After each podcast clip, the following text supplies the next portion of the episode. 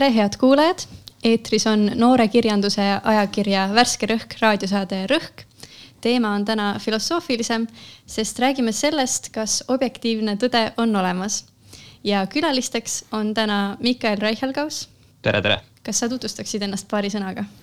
jah, ma olen äh, Tartu Ülikooli matemaatilise statistika tudeng ja ma töötan praegu kõrgemas usuteaduslikus seminaris arendusjuhina ning äh, igasugune hot take'ide tegemine ning äh, filosofeerimine on, on mu lemmiktegevus.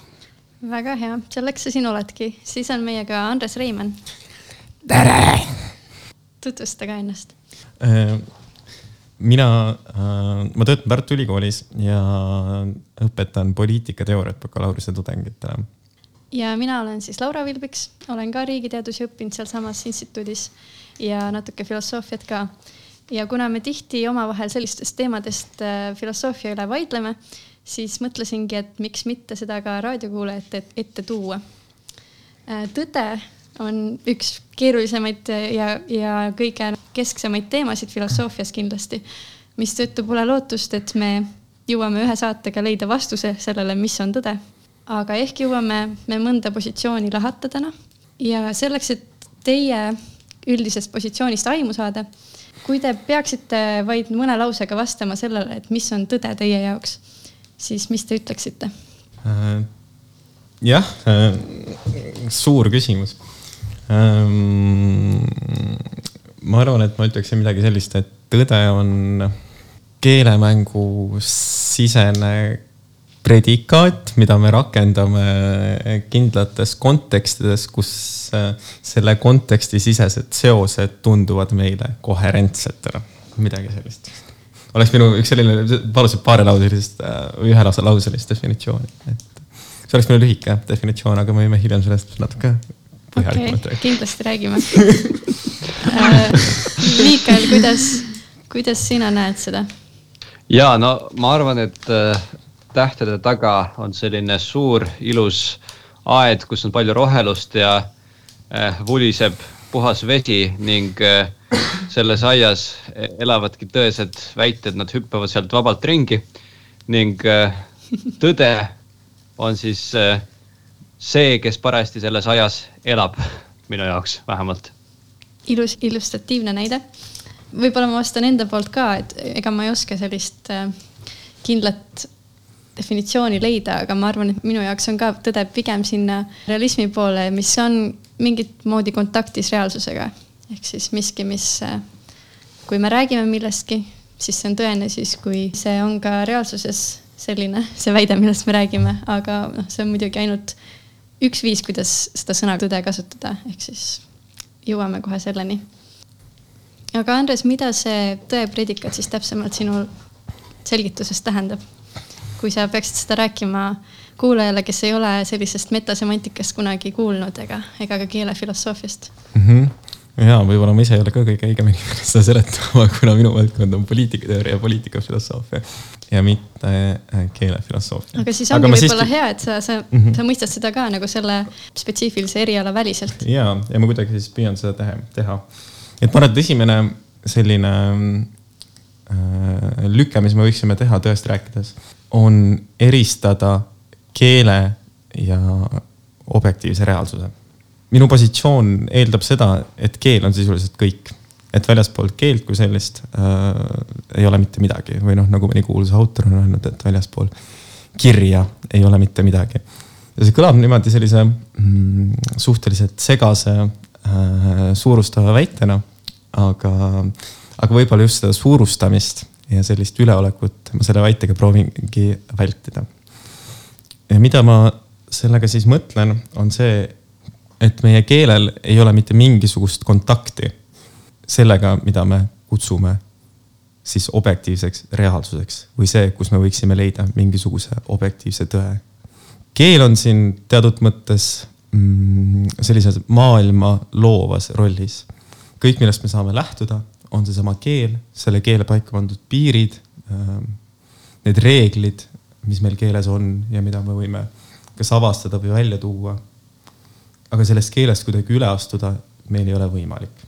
ehk kuidas, kui see nüüd niimoodi üheks lauseks või väiteks kokku võtta, siis keel seab meile piirid ja teatud mõttes kõik, mis inimene teha saab, on sellesama piiratud keeleruumis või noh, paljud kasutavad keelemängus kuidagi toime tulla ja selle läbi maailma avastada, sest teatud mõttes minu jaoks on keel kõik, mis meil on.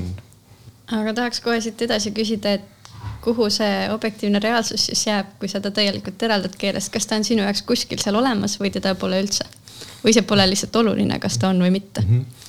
Jah, ma arvan, et minu jaoks ta ei ole äh, niivõrd oluline et, et väide, et meil üldse objektiivne reaalsus kui selline väljaspool keelt on, eks see teatud mõttes eeldab siis ühte konkreetset lähenemist, ta eeldab äh, representatsionalismi mm. -hmm. Äh, olen halb selle sõna hääldamises, aga aga. keeruline, keeruline sõnum, millest ma nüüd aru ei saa, Andres, sa pead selle minu jaoks lahti saama. jah, noh, see eeldab täpselt seda, et keelel on mingisugune kokkupuude objektiivse reaalsusega ja üldse, et objektiivne reaalsus on olemas ning kui sul on mingisugune näiteks sõna või tähistaja, siis see sõna või tähistaja viitabki siis konkreetsele objektile, konkreetsele mingisugusele äh, reaalsusele, mis väljaspool keelt äh,, keelt asub.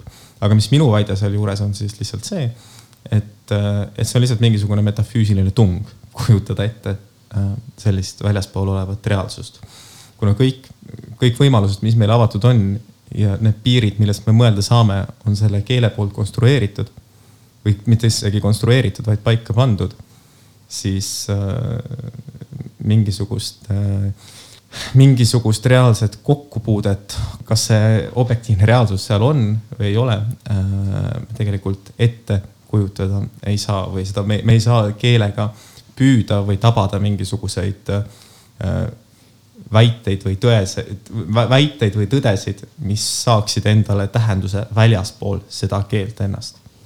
ehk siis representatsionalismi järgi, kui minu ees on praegu see mikker ja ma ütlen, et siin on mikker, siis see väide on tõene, siis kui siin päriselt ongi reaalsuses üks mikker, eks noh, jah, muidugi seesama noh, lähenemine eeldaks veel seda, et seesama sinu keel, siis sa püüadki sellega konkreetselt seda konkreetset äh, mikrit, mis sinu ees siin on äh,. ja ta eeldab, et tähendus sünnibki sellest viitamise protsessist sellele samale reaalsusele, aga noh, minu positsioon selles, kuidas tähendus sünnib, on, on natuke teistsugune. et ma ei tea, kas me sinna tähenduse juurde üldse tahame minna, et see oleks nagu suhteliselt keerulise teema avamine omaette siin kõrval aga küsiks siis edasi Mikkeli käest, et äh, kust see sinu pilt sellest, et see tõde seal kuskil taevases aias ringi hüppab, et kust see pärineb ja, ja milline see täpsemalt on? tähendab äh,, ma arvan, et äh, millal iganes me räägime mingitest asjadest, olgu siis äh, teaduslikult, filosoofiliselt või, või niisama, kui me räägime kasvõi argipäevast juttu, siis äh, me teeme mingisuguseid äh, eeldusi. näiteks me sageli eeldame seda, et meie nägemismeel või meie kuulmismeel või kompimismeel on õiged, nad edastavad meile infot, mille põhjal me saame tulevikku ennustada ja, ja praegu mm, kui ma ütleks, et nad edastavad meile infot päris maailma kohta, siis ma juba teen selle eelduse, et päris maailm on olemas. Eh, mida, mille, mida Andres ei taha teha. aga, aga isegi kui me jätame selle ära, eks ole, võtame puhtalt eh, Andres sinu mudeli, kus meil on ainult keel, meil on ainult teatud keelemängud, eks ole. Nendel keelemängudel on ikkagi omad reeglid, omad eeldused ja äh, nende keelemängude sees me siis ka ütleme näiteks, et vot kui mina näen midagi, siis see tähendab, et näiteks auto läheneb minu poole, siis vähemalt selle keelemängu kontekstis ma teen ennustuse, et ta jõuab minuni näiteks viie sekundi pärast, eks ole. noh, see, see võib olla ligikaudne, aga te saate aru, millest mm, -hmm. millest ma räägin, just ja, ja, ja minu arust ükskõik, millest me räägime, me alati teeme sedalaadi eeldusi. nii, ja, ja mina teen lihtsalt ühe lisaeelduse ja, ja see on see, et eh, meie reaalsustaju vastab siis millelegi objektiivsele, et ehk siis eh, see, see ei pruugi olla täielik, eks ole, see ei pruugi olla, olla tõene alati, eks ole, sest et meil võivad olla igasugused eh, pettekujutelmad, et me võime optilist illusiooni näha näiteks, mingeid asju moonutatult mitte sellistena, nagu nad päriselt on, meil võivad tekkida valed ettekujutused, aga üldjoontes ma arvan, et see ei ole ülemäära äh, hull eeldus mõelda sellest, et, et asjad, mida me, me kuidagiviisi tajume siin maailmas, on, on ka päriselt olemas, vaid see ei ole meie nii-öelda meele ettekujutus, vaid meie meeled päriselt peegeldavad midagi, mis on seal väljas soliidsena olemas. nüüd, miks ma seda teen? ma, ma teen seda puhtalt sellepärast, et mind huvitavad võib-olla sedalaadi küsimused, mille, mida, mida on väga raske sõnastada Andrese kirjeldatud selles maailmamudelis. mind näiteks huvitab, kas äh, üks või teine tegu on äh, moraalne. Mind huvitab, kas näiteks Jumal on olemas, mind huvitab ka põhimõtteliselt, kas inimese hing on olemas.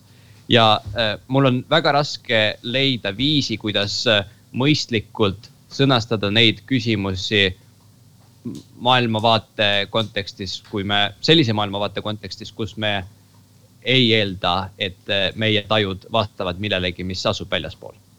küsikski siit teilt mõlemalt edasi, et kas ja miks on objektiivset tõde vaja või kas see maailmavaade, mis, mitte nüüd otseselt maailmavaade, vaid see teooria, millest Andres räägib, et kas selle jaoks ei olegi üldse vaja objektiivset tõde? kas miski muu asendab seda? või kuidas me lahendame kõik need probleemid, kui meil on päriselus vaja nagu leida vastust, et mis on õige, mis on vale? Mhm.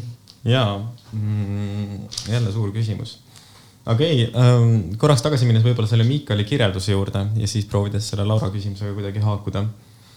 Noh, täpselt samamoodi ma arvan, et ma, minu positsioon täpselt samamoodi, ta tugineb mingi, noh, ta tugineb meie meeltele paratamatult.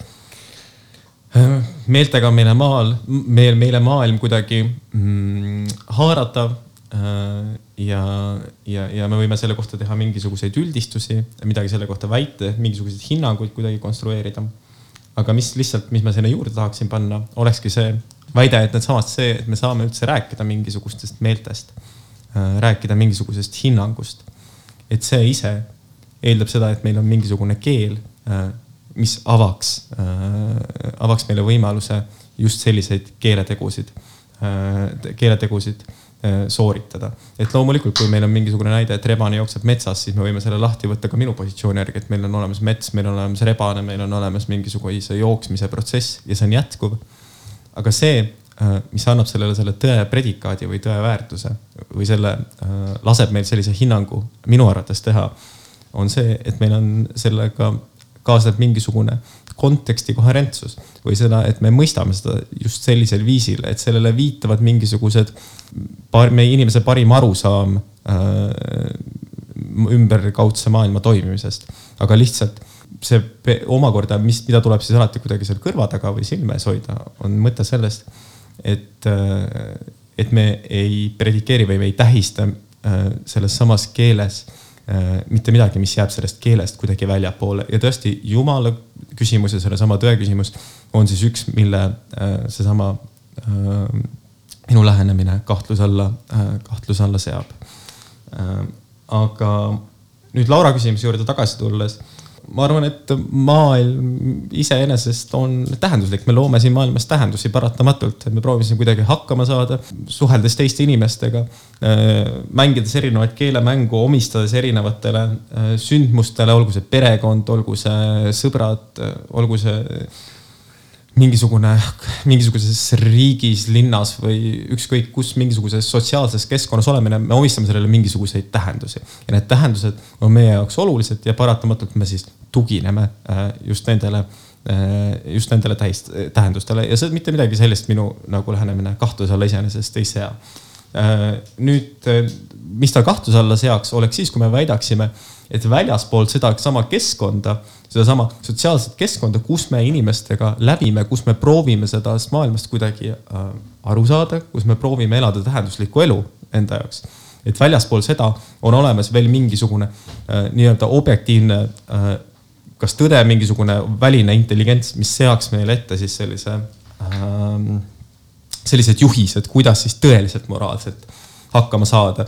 või et meie, et meil oleks või meil oleks mõistusest tuletavad mingisugused kas ratsionaalsed printsiibid või meil oleks kuskilt üldse mõistuse väliselt tuletavad, tuletatavad mingisugused äh, välised printsiibid. et, et sellega ma nõustuda ei tahaks ja ma arvan, et kui me teeme mingisuguseid otsuseid siin maailmas ja tahame, et see maailm meile tähenduslikuna tunduks, siis meil ei olegi vaja äh, sellist äh,, selliseid väliseid äh,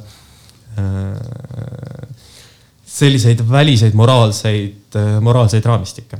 et äh, paratamatult, et äh, ma istun sinuga või ma istun Lauraga siin stuudios praegu ja, ja selleks, et me saaksime seda teha ja selleks, et me kasutaksime oma arvutit, selleks, et me saaksime oma asju siin kuidagi kirja panna ja sinuga räägitud. siis me kuidagi ei lagune siin laiali, sellepärast et oi, et me ei kujuta ette mingisugust välist, välist objektiivset piltu, pilku või moraalset sellist äh, tugipunkti ja seetõttu see kõik siin kuidagi valguks meie äh, palge ees äh, tükkideks, pihustaks õhku. aga selline küüniline küsimus, et äh, mida sa nagu selle keele all mõistad täpsemalt, et see ei ole ju ma saan aru siis ainult see nii-öelda eesti keel või inglise keel, sest et noh, meil on inimesed, kes ei kõnele keelt, on ju. kas need on mingit sorti kontseptid pigem või kuidas mm, -hmm. kuidas sa seda mõistad? jah, see on mingisugune selline tähendusmärkide süsteem. et äh, küsimus arusaamisest äh, viisil, mis on kuidagi äh, tähistatav mingisuguste, ikkagi ma ütleks mingisuguste märkidega aga, aga ma arvan, et see keskne, keskne mõiste siin on ikkagi äh,, on siin just seesama tähendus ja selle tähenduse mm,, tähenduse tekkimine suhtes teiste teiste, teiste inimestega. mul ei ole sulle head mingisugust sellist keele definitsiooni nüüd pakkuda. Aga noh, see küsimus on ju noh, selles suhtes filosoofia algusest peale äh, laual olnud et, et mis teeb inimese eriliseks, noh, vastus on keel. inimesed saavad raamatuid kirjutada, saavad poeesiat luua, filosoofiat teha, mida iganes. ja see eristab inimesi siis kas mingisugustest loomadest või mis iganes. ja nüüd minu lähenemise, kes selle lauale siis tõstis, et noh, loomulikult tegelikult ma võin seda Herderile näiteks äh, omistada, aga, aga äh, aga Herderil natuke teistmoodi, tema ikkagi uskus, et keel on mõnes mõttes noh, ei tea nüüd olemise koda, aga keel mõnes mõttes äh, sisaldab endas justkui mingisugust kultuuri ja, ja määrab meie mingisugused käitumismaneerid ja mallid ja, ja seal justkui sisenduvad mingid traditsioonid, aga minu lähenemise selliseks äh, võib-olla äh, eelkäijaks tõeliseks on ikkagi Nietzsche. et just see, mida ma täna olen siin proovinud mingil viisil väljendada. Mm, ja nemad tõstavad just sellesama keele rolli filosoofia fookusse. aga ma mõtlen, kas me natukene ennatlikult ei omista siin inimesele seda seda omadust, et see keel on just see, mis inimest teistest eraldab. et, et minu arust nii paljud filosoofid on selle teemaga tegelenud, mis meist teistest eraldab ja see, need vastused on väga erinevad mm. -hmm. keel on olnud üks nendest, ka noh, ratsionaalne aruteluvõimelisus või, või noh, neid on väga palju erinevaid, et minu arust see, et noh, ma isiklikult üldse arvan, et eristused on üsna arbitraarsed. muidugi, ma olen nõus sellega. et, et miks just keel, mulle tundub, et äh, sama hästi võiks öelda, et noh, miks nagu meie see miks meie silmad, miks, miks me see, et me näeme ja vaatame maailma, miks see ei ole nagu kuidagi Võibolla... oluline või mõned teised meele või mingid tajumise viisid või miks just me saame minu arust ka ilma keeleta, pluss noh, see ka lisaks, et loomad suudavad ju keelt õppida. me saame šimpansitele õpetada seda märgikeelt. aga võib-olla ma kiiresti lisan siia selle seisukoha, et et lihtsalt niimoodi on, on, on kõneldud või eristatud inimesi keele alusel. et see ei ole võib-olla, mida ma teen, see oli lihtsalt märkus, kuidas seda on varem tehtud. et aga miks minu jaoks just keel on oluline, on mitte see, niivõrd see, et ta eristab meid mingisugustest teistest äh, teistest olenditest või organismidest, kahtlemata äh, selline võime on või mingisugune sarnane võime on olemas ka teistel organismidel. aga, aga mis, mis ta minu jaoks oluliseks teeb, on just see, et, äh, et keel paneb paika inimese piirid ja ma ei taha öelda, et keel, keel on minu jumal. aga, aga, äh, aga keel on see, mis määrab ära meie piirid, ta paneb paika need võimalikkused, kus me saame üldse opereerida. see, et me räägime näiteks, et Laura tõi siin näite äh, inimese mingisugustest meeltest. et see, et me saaksime just sellest meelest niimoodi rääkida, et me saaksime sellest rääkida tähenduslikult teiste inimestega kui ma üksi kasutaksin sõna meel, äh, see ei tähendaks mitte midagi, kuna seesama tähendus tekibki suhet, suhtes nende samade, mingisuguses märgi suhtes äh, teiste sarnasel viisil märke kasutavate inimestega. siis see on ainus viis, kuidas me saame rääkida mingisugusest tähenduslikkusest ja mis omakorda läheb sinu eelmise küsimuse juurde tagasi. et kui me tahame siin maailmas kuidagi hakkama saada ja seada endale mingisuguseid moraalseid raamistikke, tulgu nad meie seest või väljast või, või kus iganes. ja siuksed noh, muidugi dihhotoomiad pole üldse head, et on alati, alati kuskilt kontekstist välja kasvanud nagu kõik. aga lihtsalt minu väide on seal see, et, et keel on see, kus me saame üldse sellistest asjadest mõelda, see on see ruum või koht kust see, ma ei taha öelda jällegi võimalikkus, aga kust mm, -hmm. kus nad väljenduvad? aga mulle tundub, et see oleneb väga palju sellest, mis erialaga me oleme rohkem tegelenud, näiteks ma võin samamoodi öelda, et mina näen maailma ja inimeste toimimist väga läbi poliitika vaatevinkli, et, et võib-olla see meie arusaama maailmast, võib-olla ka pi meie piire loob näiteks poliitika ja sellised võimu, võimumängud maailmas. mitte võib-olla keelemängud, minu jaoks võib-olla need on võimumängud, et see oleneb meie vaatepunktist Täiesti. väga palju. kui mõni bioloog ütleb, on ju, et see on tegelikult noh, väga-väga bioloogiline asi, mida, läbi mille me näeme. kui see on veenvalt esitatud, siis ma võin sellega nõus olla just selles, et minu, minu eeldus on lihtsalt see, et bioloog saaks sellest asjast niimoodi rääkida, nagu ta räägib mingisugustest rakkudest või rakutuumadest või, või, või keegi võimust saaks niimoodi rääkida siis selle eeldus on ikkagi see, et meil on olemas just nimelt see keel, kus me saame ennast tähenduslikult väljendada. ja see on minu no, mõte siin, et see ei ole mitte mingisugust äh,. ma ei lükka ümber sellega sinu väidet ja ma paljuski ei, ei lükka ümber ka või vaidle vastu sellele, mida Miikal väljendas.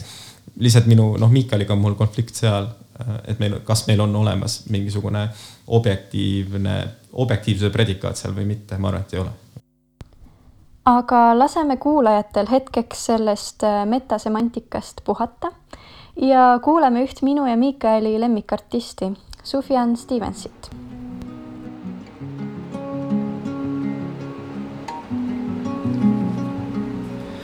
Now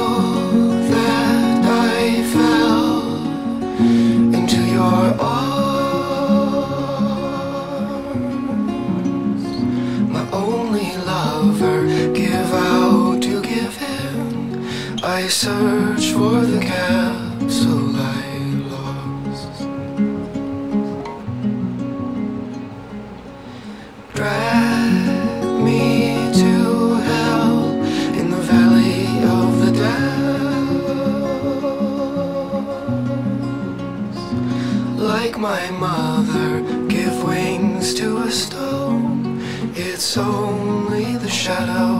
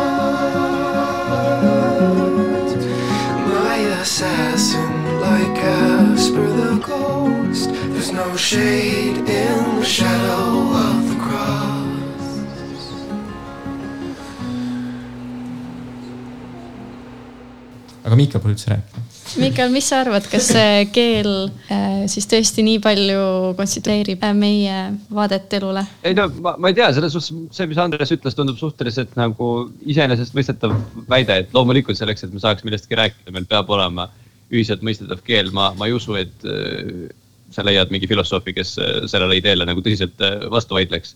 oi, seda. mulle tundub, et see konflikt ikkagi, ikkagi seisneb seal, no just, just seesama asi, mis on objektiivse reaalsusega seotud, eks ole kas meie mõtlemisel, kas meie keelel võib olla mingisugune vastavus objektiivselt eksisteerivate asjadega. noh, mina vastaksin jah, minu arust see on täiesti mõistlik eeldus, mida teha ja Andres tõenäoliselt vastaks ei. nüüd äh, minu, minu jaoks Andrese mudel ei ole kuidagi halb. Minu, ma võin leida väga palju situatsioone, kus äh, seda saab kasutada samaväärselt nii-öelda realistliku mudeliga, kus sa tõepoolest äh, eeldad, et sul on objektiivse reaalsuse ja, ja keelekasutuse vahel mingisugune side. no paljudes olukordades see tõesti ei ole tähtis, eks ole, kas sa räägid rebasest. kui, kui sa näiteks tahad kirjeldada rebase käitumist, siis otseselt ei ole vahet, kas see rebane on päriselt olemas. sa võid oma sõpradele rääkida ka oma tunnetusest või oma meeltest ja nad noh, või selles keelemängus nad saavad sinust aru igal juhul.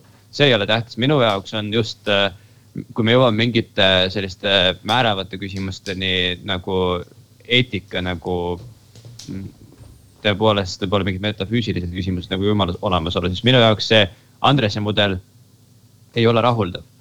Äh, sest et selle, selle kontekstis ei ole lihtsalt võimalik esitada neid küsimusi, mis mulle huvi pakuvad. nüüd võib ju tõsimeeli vaielda, et äh, äh näiteks mu eeldus objektiivse reaalsuse ja keele seotuse kohta ei ole mõistlik. aga noh, siis mind huvitakski, et, et miks ei ole mõistlik.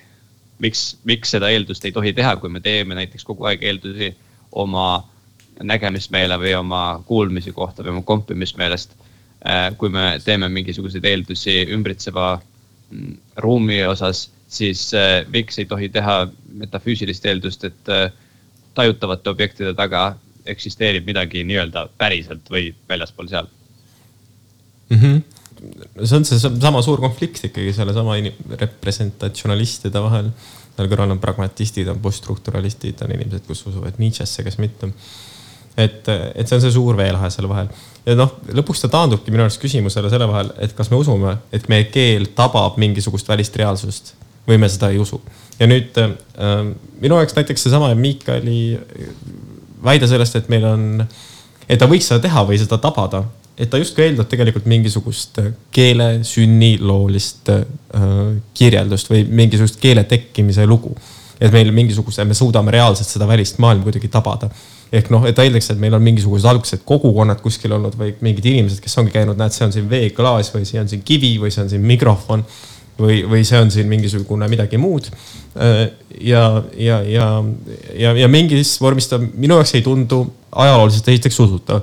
ja noh, sinna muidugi juurde tulevad küsimused sellest, et kuidas on tekkinud mingisugused määrsõnad või sõnad nagu aga, ja, ning, ehk, kuid, vaid, et. Et ma arvan, et me alahindame sellega sedasama keele tekkimise ja arenguprotsessi ennast. et ma, ma arvan, et see protsess võiks olla kuidagi äh, orgaanilisem. aga teiselt poolt Äh, minu enda vaade oleks, on siin muidugi see, et me võime selliste küsimustega tegeleda, aga ma ei ole kindel, et see niivõrd mõistlik on, kuna meil ei ole midagi tõsikindlat võimalik väita. aga jumala küsimus on niivõrd oluline inim, inimühiskonnas mm. -hmm. Pole ole, olemas sellist ühiskonda, kus see, kus mingi selline religioosne identiteet ei oleks oluline. no mina ütleksin lihtsalt niimoodi, et, et jumala eest, et nende küsimustega võib lasta inimestel tegeleda ja kuidagi olla, et ma ei, kindlasti ei sekkuks nende küsimustega tegelemisse. Aga mida ma siis laseks teha või küsiks vastu kohe, et esitada siis äh, mõistlik või arusaadav hinnang sellele, kuidas lahendada ära seesama äh, representatsionalismi probleem, et kuidas äh, sellesama keele tekkelooline probleem ikkagi näidata, kuidas keel püüab või tähistab mingisugust tõelist reaalsust. et noh, need küsimused jäävad lihtsalt õhku ja seni, kuni nad ei leia noh lahendust, mida iganes see tähendab kuna minu jaoks on selles minu, minu mudelis on äh, lahendus lihtsalt jällegi mingisugune kontekstide vaheline koherentsus, kui, kui me saame seda anda hinnangu või anname selle saadud tõe predikaadi, et see on kuidagi meie jaoks mõistetav või vastab meie empiirilistele andmetele või arusaamadele asjadest, siis ta just ongi lahenenud. Seni ma kuidagi jääksin enda teooria juurde, aga ma olen avatud igasugusele kriitikale äh, aga miks sina arvad või millele tuginedes sa arvad, et selline objektiivne reaalsus seal olemas siis on? Või, või mille, millele me saame toetuda selliseid väiteid tehes? oma tajule, ma arvan, et me kõik tajume objektiivset reaalsust.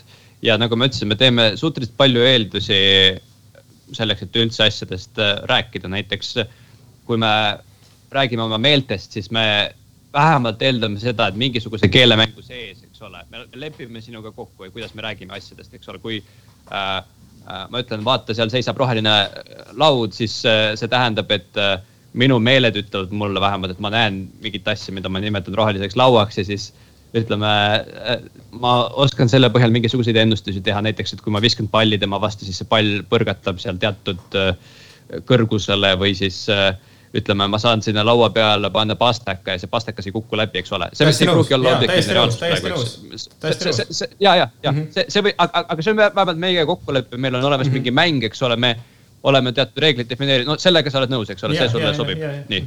Ja okei okay,, aga, aga selles, selles mängus me, me ikkagi teeme väga palju eeldusi oma, oma meelte kohta, et, et me suudame, noh, esiteks, et, et meil on teatud seos näiteks mineviku, tuleviku vahel, meil on äh, meie nägemine suudab äh, anda mingisugust äh, usaldusväärset infot vähemalt selle mängu kriteeriumite järgi mm. -hmm.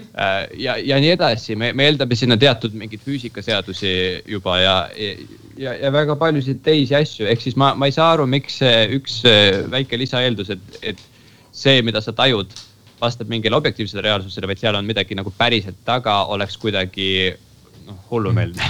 ka Miikali positsioonile argumenti juurde tuues, ma arvan, et see, mida sa nimetad metafüüsilisteks tungideks, eks mm. -hmm. et need on ju niivõrd inimlikud asjad, inimesed on kogu aeg loonud endale neid kujutlusi jumalatest või millestki sellisest.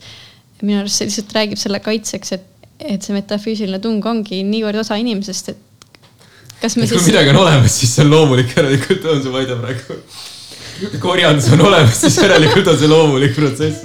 ei, ei mitte sellepärast, et see on olemas, vaid sellepärast, et on, see on olnud inimese osa alati. lai korjandus võib-olla tänapäeva inimlikus ühiskonnas meil on mõned seda asendavad asjad, aga see tung on meil ikkagi olemas ju. Äh, ja, ja täpselt ja minu point ongi see, et neid tunge tuleb siis kuidagi kammitseda et, et tuleb. aga miks just see, miks sa sealt järeldad, seda tuleb kammitseda, kas, miks see on halb? Sest me lisame sinna, sinna ühe eelduse ja ma arvan, et sedasama objektiivse reaalsuse eeldust ei ole vaja sinna lisada, sest see viib meid kohe sellele teale, just, just avab meile selle võimaluse, et me saame rääkida sellest, et, et näiteks me saame tuua sisse siis mingisugused justkui keelevälised moraalsed raamistikud, millele hakata tuginema. ja see ka võib olla kas hea või hea, see võib olla meie jaoks täiesti tähenduslik. aga minu jaoks ei ole see lihtsalt põhjendatud, see on minu väide siin kuna see, see, see, et, äh, et meil on noh, näiteks räägime näiteks mingist jumala mõistest, et, ähm, et siis see, mis annab meile võimaluse sellisel viisil jumalast rääkida, on, on, on just nimelt äh, seesama keel. aga nüüd väita seda, et seesama meie keel laseb meil äh, kuidagi püüda või haarata mingisugust siis äh, tõelist jumalat või seda, et tal on kunagi mingisugune kokkupuude olnud mingisuguse tõelise äh, jumalaga. et see on minu jaoks äh, noh, ei, ta ei, ta ei ole lihtsalt nagu mõistlik väide. ta ei ole minu jaoks veenev. et seda veidi kaugele läinud arutelu vahepeal uuesti fokusseerida, kuulame taas muusikat, seekord artisti nimega Akala, kelle kohta Andres teadis mainida, et ta on üks vähestest räpparitest kes on väljaspoolt muusikat ka akadeemiliselt tõsiseltvõetav. näiteks ta on kirjutanud mitu raamatut mustanahaliste ajaloost Ühendkuningriikides.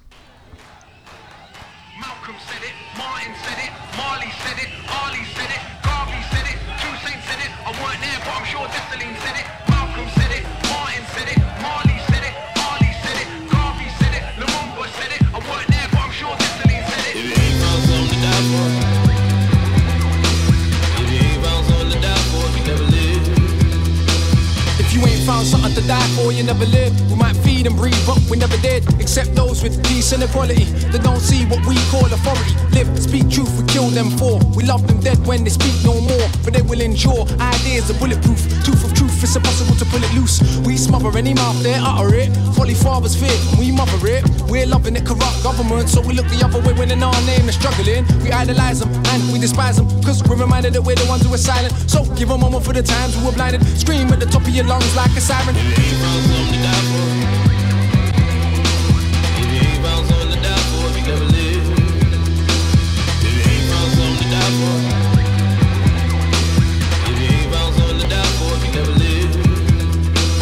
Maybe the wise man has nothing to prove, one who has nothing has nothing to lose. More things we don't need will make more fees. More laws we don't need. It's all me. Who leads it don't matter. They can't make change. New driver, but we got no brakes. Whatever the place, whatever the face, the master never ever frees his slave. They always knew it, so they pursue it. But we were too divided to ever be guided through it. Gotta stop them cause they're rotten from the days of picking cotton. The Sell us a love song and we're so besotted. So confused, we believe their promise. But there are some that lead more honest. They are not forgotten, though they shot them. So scream to the top of your lungs, right from the bottom. Said it, Marley said it, Harley said it, Garvey said it, Two Saints said it. I weren't there, but I'm sure Destiny said it.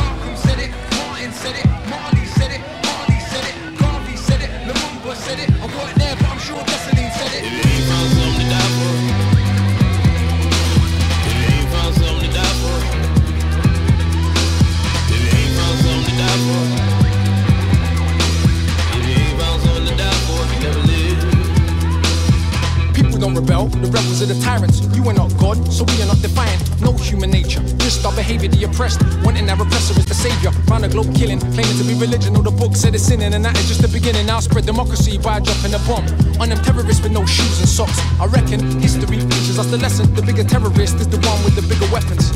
They talked, but we didn't listen.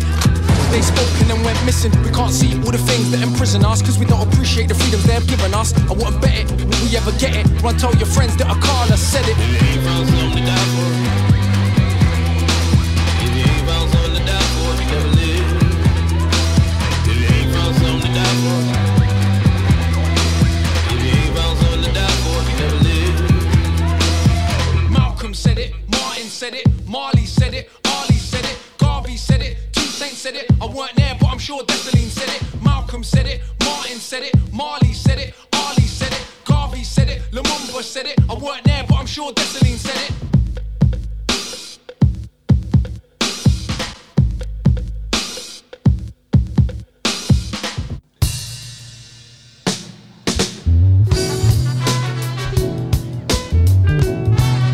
Browns, feel that soul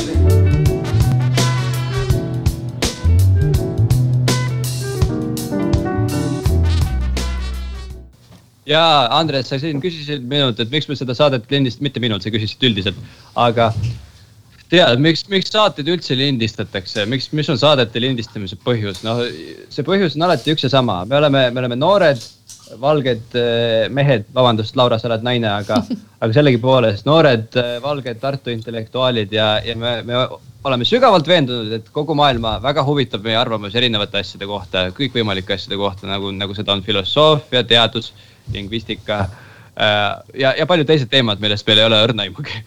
seega ma, ma arvan, et see küsimus on, on, on, on suhteliselt triviaalselt lahendatud ja, ja me just, just vastasime sellele ära. aga ma arvan, võime siit edasi minna äh, sellise moraalitõdede juurde, mis sellega seostub. kuidas erineb see väide, et, äh, et me oleme siin stuudios, mida saab siis verifitseerida sellega, et me tõesti oleme siin stuudios. Kuidas erineb see sellest näiteks, et me ei tohi valetada või tapmine on halb, sellistest moraaliväidetest? olemuslikult ei erine mitte kuidagi, need äh, väljendavad lihtsalt äh, reaalsuse erinevaid aspekte. Või noh, need, need kaks küsimust äh, erinevad umbes samamoodi nagu sa ütled, et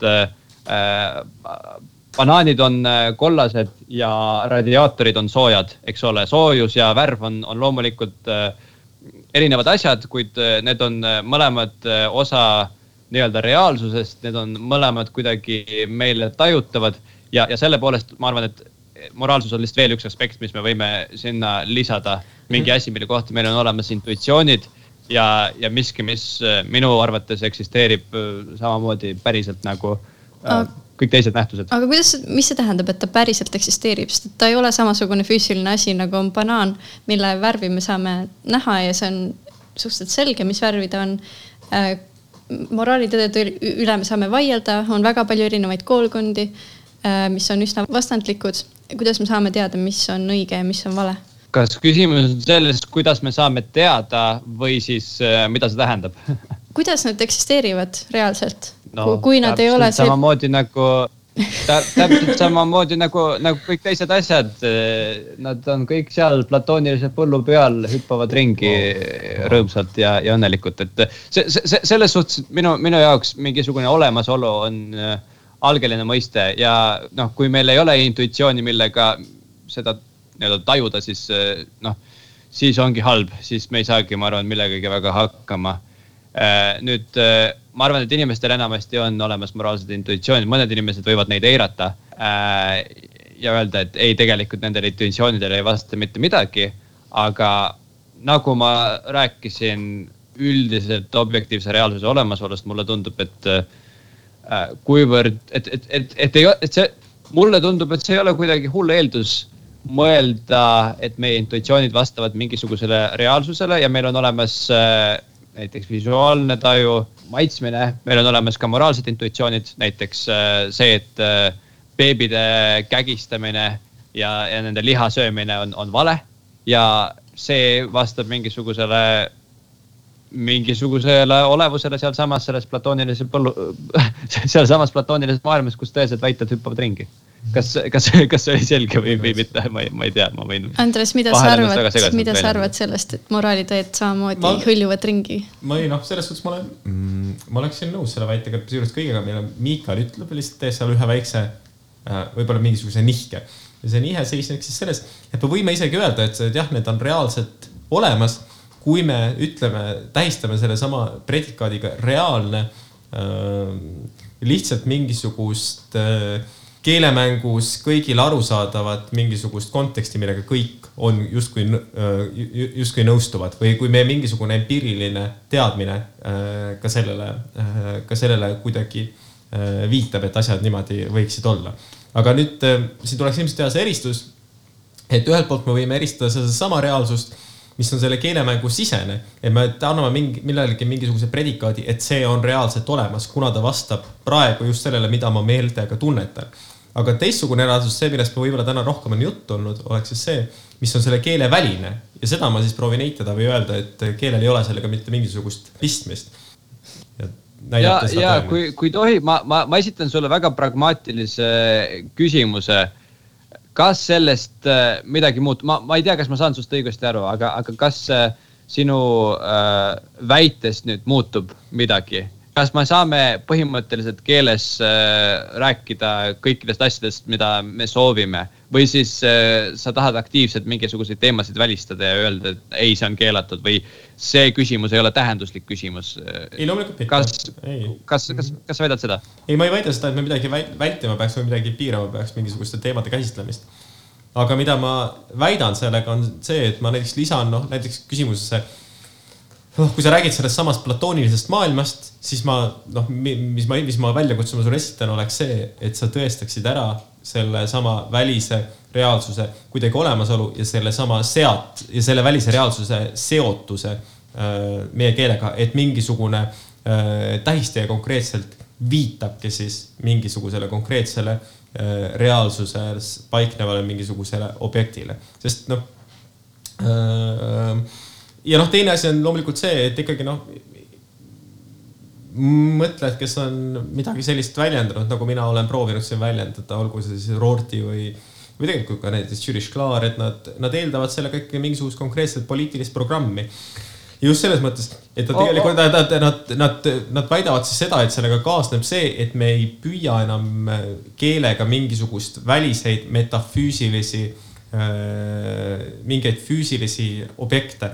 et see võib olla näiteks jumal, aga me ei saa ka väita seda, et näiteks, et mingisugune rahvus on olemuslikult just selline või mingisugusel asjal on mingisugune olemus või mingisugune essents, mida me saame siis äh, kuidagi äh, tähistada või, või, või, või selle tegelikult välja tuua. loomulikult need asjad võivad olla tähenduslikud, et me saame neist aru ja neil on mingisugune äh, roll meie elus ja selle elu kujundamisel aga, aga kui me võtame omaks sellesama minu keeleteoreetilise positsiooni, siis äh, äh, siis see seab omakorda kahtluse alla sellised äh, mm, nii-öelda nende asjade mingisuguse äh, äh, oleks vaja ära tõestada nende mingisugune päris eksisteerimine siis justkui, selle minu keeleteooria. ja ei, oot, oot, oot, okei, okei, sa, sa nõuad mult nagu tõestusi, aga, aga sõnasta ära palun see kriteerium, mille järgi sa loeksid sihukese asjaolu tõestatuks, et millal sa, millal sa nõustuksid, et objektiivne reaalsus on olemas või nagu, nagu kuidas ma seda sulle tõestada saan, sõnasta mulle palun see kriteerium ja siis me võime olla, saame rääkida, et kuidas, kuidas, kuidas seda teha. See on, see ongi see peamine probleem, sest minu see, et seda ei, ei, ei, seda ei ole võimalik tõestada. ju vot see, siis siin ongi, siin ongi see probleem, sa lood, kui sa, kui sa ütled mida, kui sa, kui sa ütled, kui sa, sa, sa ühelt poolt nõuad mult, et, et ma tõestaks midagi ja teiselt poolt sa lood sellise mudeli või sellise keele, kus selle asja tõestamine ei ole põhimõtteliselt võimalik. nagu minu jaoks need on kaks täiesti nagu nonsensical asja, mida, mida kokku panna. sa ütled, et mingi, aga, aga tõesta mulle, et see väide kehtib keeles, kus see väide ei kehti või nagu, või kus see väide ei saa kehtida. siis sorry, sa, sa nõuad mult midagi, midagi võimatut. minu, minu meelest noh, tõestusest. aga sina eeldad täpselt samamoodi. Sina... aga point on sina, et praegu me oleme toiminud sinu raamistikus, sina eeldad täpselt samamoodi mingisugust objektiivse reaalsuse olemasolu, mis minu väidete kohaselt ei ole üldse olemas ja millest meil pole võimalik niimoodi rääkida. ehk sisuliselt sinu väited kõik eeldavad täpselt samamoodi mingisuguse objektiivse reaalsuse justkui olemasolu, mille, see on see raamistik, millega me oleme kuidagi, äh, millele me oleme reageerinud ja millele me, millele me oleme proovinud äh, midagi üles ehitada ja selle, selle, selle, ma ei eiragi seda, ma ütlesingi mm kohe alguses ära, et see on, et see on eeldus, ma ei öelnud, et see on, et see on asi, mis on nagu, nagu kohe kõigile tajutav. minu, minu jaoks lihtsalt me peame, noh, mul on mingisuguseid äh, relevantseid küsimusi, mida, mida ma tahaksin, mida ma tahaksin arutada, minu. okei okay,, ma sõnastan, sõnastan veel kord selle mõtte. Äh, minu jaoks konflikt ei seisne selles, et sinu mudel on vale ja minu oma on õige. minu jaoks see konflikt seisneb selles, et meil on kaks mudelit, mida mõlemat on võimalik kasutada. lihtsalt minu mudelis on võimalik esitada rohkem küsimusi ja pakkuda nendele mingisuguseid vastuseid, ei või jah, eks ole, noh. miks, sama, miks on võimalik kas, rohkem küsimusi vastata? no jumala kohta no, sinu no, mudelis ei saa. ei, sa võid neid küsimusi esitada täpselt samamoodi, aga nad küsid, noh, taanduvad nagu irrelevantsusele, et noh. nojah, lihtsalt teises no, mudelis nad on relevantsed nojah, aga, aga minu mudelis tulevad teised küsimused jällegi esile, needsamad need selle keele. ja ei, ei, ei, see, see ja just, sina ütled mulle, et mind ei huvita teatud laadi küsimused ja ma olen täiesti okei okay sellega, nagu kui sind ei huvita teatud laadi küsimused, siis see on sinu valik, kes ei peagi nendega tegelema. aga, aga, aga nagu sul ei ole praegu minu meelest nagu mingit, mingit head kriteeriumi, mille järgi öelda, et sinu eeldused on õiged ja minu omad on valed. ehk siis ja, ja, ja, ja siis sa nõuad mult tõestust, aga samas sa ütled, et a priori minu, minu eeldus on tõesta tõestamatu või nagu seda ei ole võimalik tõestada. ta on minu, minu esitusskeemis on ta tõestamatu. just. ta on nagu mingisugune metafüüsiline lõks, eh, mis minu skeem justkui eeldab. Eh, et ta on noh, selle eeldus on see, et meil tegelikult meil ei ole võimalik sellest, seda objektiivse reaalsuse olemasolu või kohalolu kuidagi noh, meil ei ole võimalik sellest mõistlikult rääkida ja seetõttu me tuleks sellest rääkimisest, rääkimisest loobuda. miks, miks ei ole, miks? jah, aga vaat siin ongi nüüd, siin, siin tuleb see, et aga siin tuleb jällegi see eelduste vahe sisse et ühelt poolt mina eeldan seda, et seesama keel, mille läbi me opereerime, see loobki konkreetselt sellesama reaalsuse. ja siis kogu teoloogia on. me peaksime tegelema selle keel, lihtsalt mingisuguste noh, keele uurimise. kogu teoloogia pole siis tähenduslik? ta, ta on tähenduslik, sest ta, kui ta sinu jaoks midagi tähendab, siis ta on tähenduslik. aga ta, see konkreetne keeleteooria võib talle esitada väljakutse, kui ta on mingil kindlal viisil sõnastatud. okei okay,, nii et sinu jaoks see, et miski on moraalselt õige midagi peab tegema, see oleneb nagu sellest, mis on kokku lepitud ühiskonnas. keeleliselt selles praegune meie ühine arusaam. mis on meie, meie ühine arusaam ja, ja see ei tähenda seda, et mingisugused et arusaamad või, või väited ei oleks paremad või, või halvemad, et loomulikult seda me võime teha, aga seda me võimegi teha mingisuguste vooruseetiliste argumentide vahendusel, mingisuguste kokkuleppelistel alustel ma ei tea, kas, mis on, nad ei pea olema verifitseeritud, aga mis on meile kuidagi arusaadavad ja mille järgi me saame neid äh, kokkulepitusloogikast siis nendega kuidagi mängida. et selles suhtes seda, mis minu süsteem lubab, on just see, et ta ei taha sedasama objektiivsest reaalsust või mingisugust absoluuti sinna kõrvale seada ja see annab sellele süsteemile sellesama mängulisuse. aga ta annab samamoodi, ta annab sellele süsteemile mingis mõttes inimesele suurema vastutuse, et ta peab äh, oma tegusid läbi kaaluma kõigi just selliste ühiskondlike paika pandud äh, eetilist. aga kas see, kui sa nimetad selliseid asju mänguliseks, äh, kas see kuidagi ei vähenda nende tähtsust, kui oluline on see, et me lepime kokku, mis on moraalselt õige ja vale äh,? see ei ole nagu mäng, see on elu ja surma küsimus selles mõttes, et kas sa räägid sellest, kas tapmine on halb või hea või. nii. kui sellel on mingi juurestik päris reaalsuses, siis selle tähtsus tõuseb nojah, aga vaata minu point on nüüd siis selles, et ma arvan, et noh, kui see, kui keegi ütleb, kas tapmine, küsib kas tapmine on halb või hea, siis ma arvan, et ilma objektiivse tõeta on meil täpselt samamoodi võimalik leida sinna väga kenasti igasuguseid vastuseid.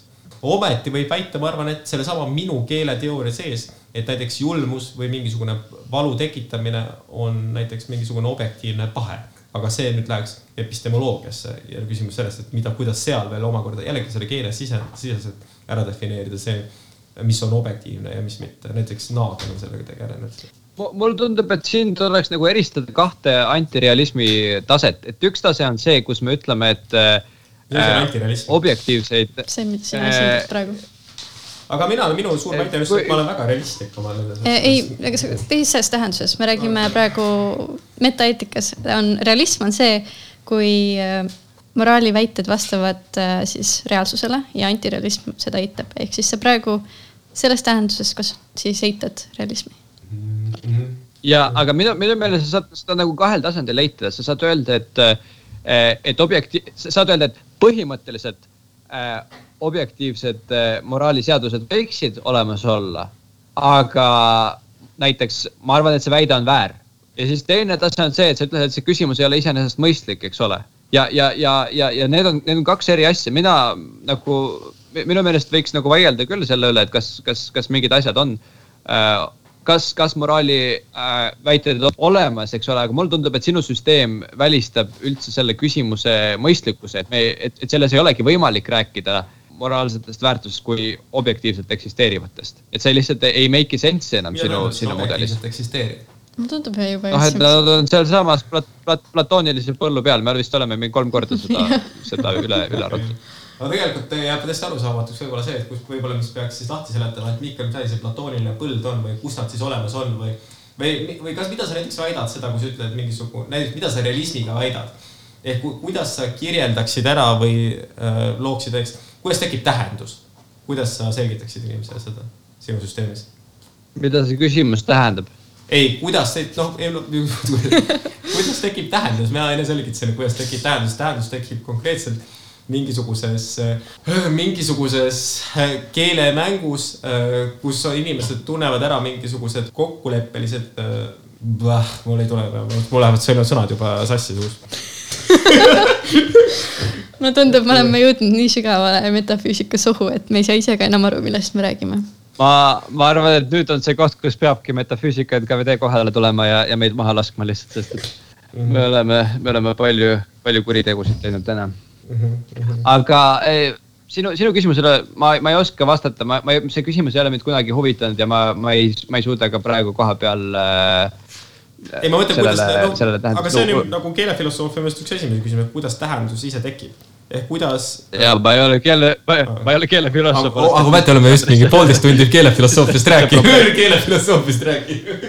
oh ja me jätkuvalt, me, me oleme õnneks valged mehed ja, ja meie, meie spetsialiteet on piiritu.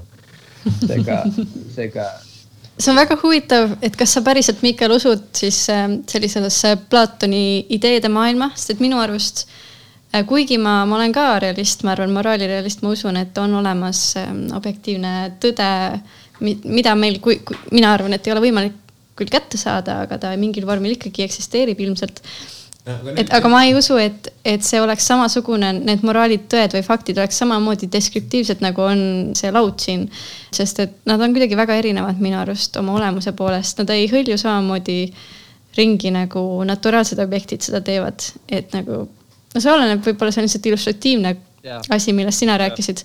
aga ma ei tea, kuida-, kuidas sa neid näed. Platoni ideed on ju ka lihtsalt äh, üks teooria, mida üks inimene välja mõtles, on ju et selliseid on erinevaid ja, ja miks just see?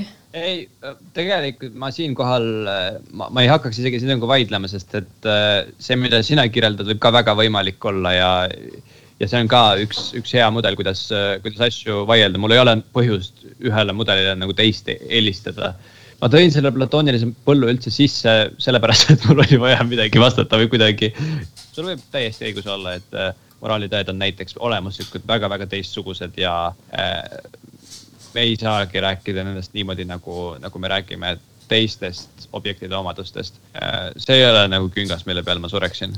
Noh, jah, üks asi võib-olla, millest pole rääkinud äh, noh, või üks asi, millest mina, mina pole kindlasti öelnud veel on noh, et sellesama minu süsteemi juures on veel näiteks see, et no mis Roorti just toob välja, et küsimus sellest, et kui me midagi hindame või peame just noh, anname mingisugusele asjale mingisuguse hinnangu ja peame just seda sellele mingisugustele tingimustele vastavaks, et mis me peame andma äh, sellele hinnangule äh, predikaadi tõde.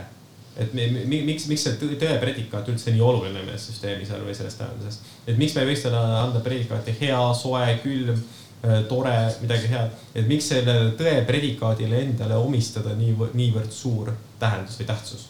miks tõde on, on predikaat tingimata või ma, ma ei tea, ma mõtlen lihtsalt ma mõtlen lihtsalt nende ülesannete peale, mida me mingi matemaatilises maailmapildis lahendasime ja siis meil olid seal tavaliselt mingid predikaadid ja siis äh, seal olid need tõeväärtused ja siis sa said tabeli järgi kalkuleerida, et mis on siis selle, selle mingi väite või lause tõeväärtus, noh, et mhm. ma.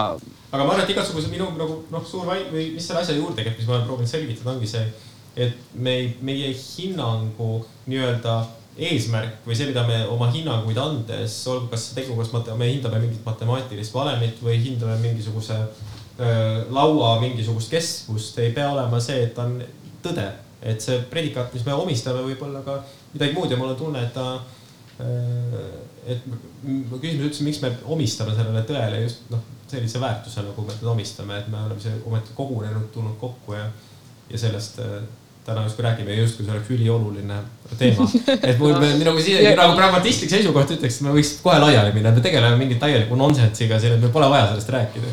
kuna me, me nagunii ei saa midagi mõistlikku selle kas see pole mitte alusküsimus, mis on päriselt olemas ja mis mitte, mis on tõde? aga mis on olemas, on täiesti erinev küsimus sellest, mis on tõde no kas äh, me räägime praegu sellest, kas mingit sorti väited on olemas või kas need viitavad asjadele, mis on olemas või mitte, kas moraali väited on olemas? see on juba mingisugune klikk siit selles suhtes, et, et me anname olemasolevale tõe väärtuse, et see on tõene ja ta just eeldab kas mingit verifitseeritavust või ta eeldab midagi muud, et. ja me oleme jälle tõmmatud, no, no, me oleme jälle tõmmatud mingisugusesse, mingisugusesse konkreetsesse diskursiivsesse keelemängu, kus meile on avatud mingisugused kindlad võimalused, mingisugused metafoorid, mis juhib meid teiste metafooride juurde, kolmandate metafooride juurde ja niimoodi keel toimibki ja sellel pole midagi viga. Sinu selle Rorti, Rorti pointi peale, mulle tundub, et see, mis Rorti rääkis, eks ole, mis tema point oli, kas ma saan sellest õigesti aru, et ta ütles, et okei okay,, millest me räägime tõest, me võime rääkida lihtsalt põhjendusest või, või õigustusest mm. ja, ja sellest nagu piisab, kui me mingile kogukonnale midagi õigustame. no ma ei tea, see on, see on täiesti nagu aktsepteeritav vaade ka asjadele, et see on lihtsalt, see on lihtsalt mudeli valiku küsimus, kas oli enne muna või kana, kumba sa eelistad. kas, kas õigustus on see kriteerium äh,, mida mingi kogukond valib tõe väljaselgitamiseks või siis äh, vastupidi, tõeks nimetatakse seda, mis on õigustuse kriteerium. no me võime mõlemat moodi vaadata ja ma ei näe, kuidas üks asi teisest parem on. nojah, aga lihtsalt Rootsi, Rootsi süsteemis teatud mõttes see tõde ise kaob sealt juurest ära ta ütleb noh, või noh, sellel tõel lihtsalt see erinevus on siin ilmselt see minu ja sinu süsteemi vahel, et selles samas Rorti süsteemil on see lihtsalt see tõde üks mingisugune tähistaja selles keelemängus, lihtsalt kuidagi kokku lepitud. sinu ma, süsteemis on ta, on tõel mingisugune reaalne seos sellega, mis on väljaspool keelt just, just ma, ma, ma siin täiesti nõustun sinuga ja see, see ongi täpselt see asi, mis ma just äh, eelnevas repliigis ütlesin mm, -hmm. sest et minu jaoks see on täpselt see muna või kana küsimus nagu, et eh, kumb oli enne. sa võid, sa võid mõlemat moodi seda sõnastada ja see toimib hästi. nii minu positsioon kui ka sinu positsioon on tegelikult nagu lõpuni tõestamatud. aga teate, ma arvan, et siinkohal võib selle selle lõppenuks lugeda, sest et ma arvan, me oleme wow,. täiega edukas saade oli. me oleme tavalise värske rõhu kuulajaks ilmselt täielikku metafüüsilisse sügavasse sohu langenud ja ma loodan, et, et mõni üksik kuulaja veel on lõpuni meiega püsinud. Äh, suur tänu ma arvan, et teile. see on ikkagi, see on ikkagi väga-väga lootusetu lootus praegu. ma tunnen, et me selle saatega kaldusime pidev, pigem sinna Hardo Pajula tähenduse teejuhtide poole, kus nad tundide viisi sellistel teemadel jahuvad mm. -hmm aga võib-olla mõni kirjandusinimene oh. sai siit äh, rohkem teadmisi. ma võin lugeda siia ühe väga toreda Hendrik Sova tsitaadi siia lõppu. tema doktoritööst jah yeah.? no loe. pidage siis meeles, et metamõtted ei representeeri mitte midagi. metamõtted või? väga ilus aga aitäh kuulamast, aitäh külalistele ja järgmise korrani. järgmine rõhk läheb eetrisse kolmandal veebruaril